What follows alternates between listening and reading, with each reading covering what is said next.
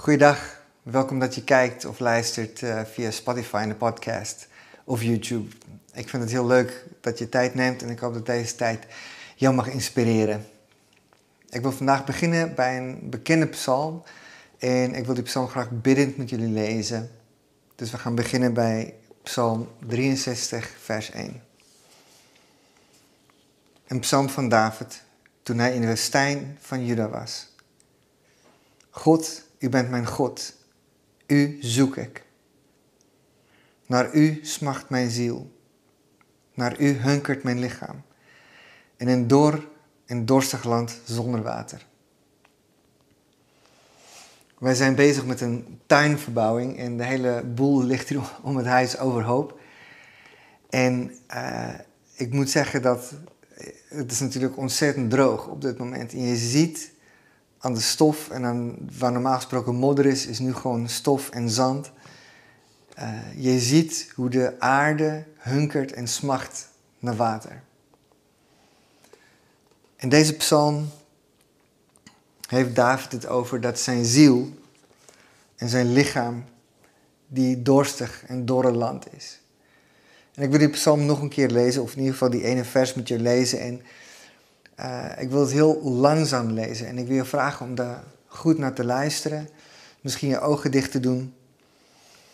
En ik ga er misschien een paar vragen over stellen om te kijken en te onderzoeken hoe jouw hart, hoe mijn hart, onze ziel eruit zien en hoe die eraan toe is. God, u bent mijn God. God, u bent mijn God. Wie bent u, God, voor mij? Antwoord die vraag, maar ik ga een paar vragen stellen zoals ik lees. Wie is die God voor jou?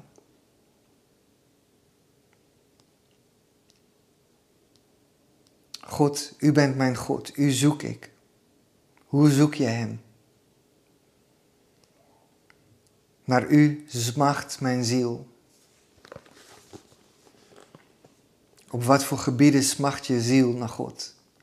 Waar merk je dat je een dorst heeft, je ziel? Naar u hunkert mijn lichaam. Op wat voor manier hunkert je lichaam naar God?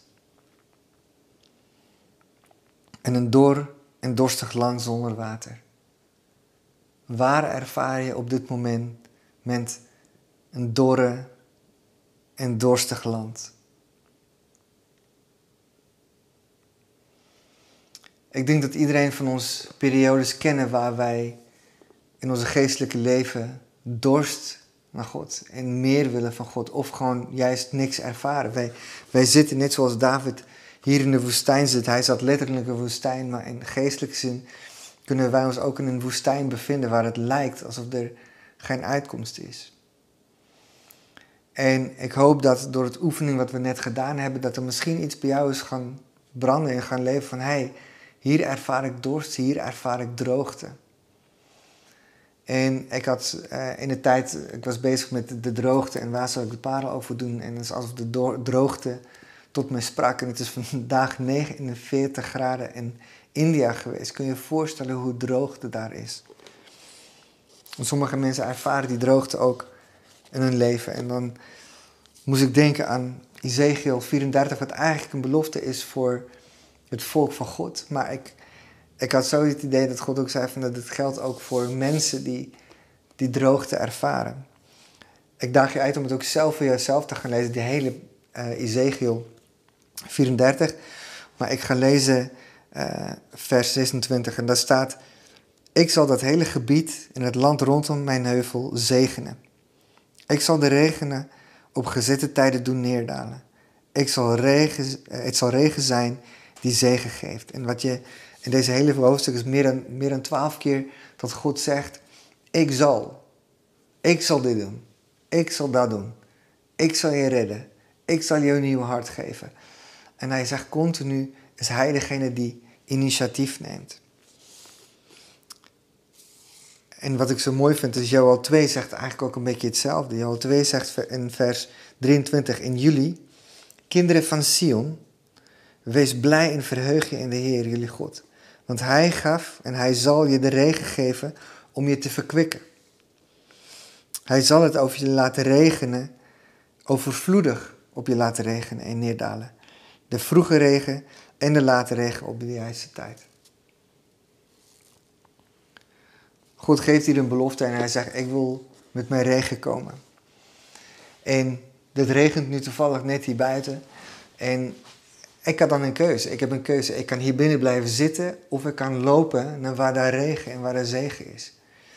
En het is zo makkelijk om in deze tijd gewoon passief te worden en te zitten en te wachten tot er wat gebeurt. En God zegt, ik heb echt het idee dat God tegen ons zegt, positioneer jou op een nieuwe plek.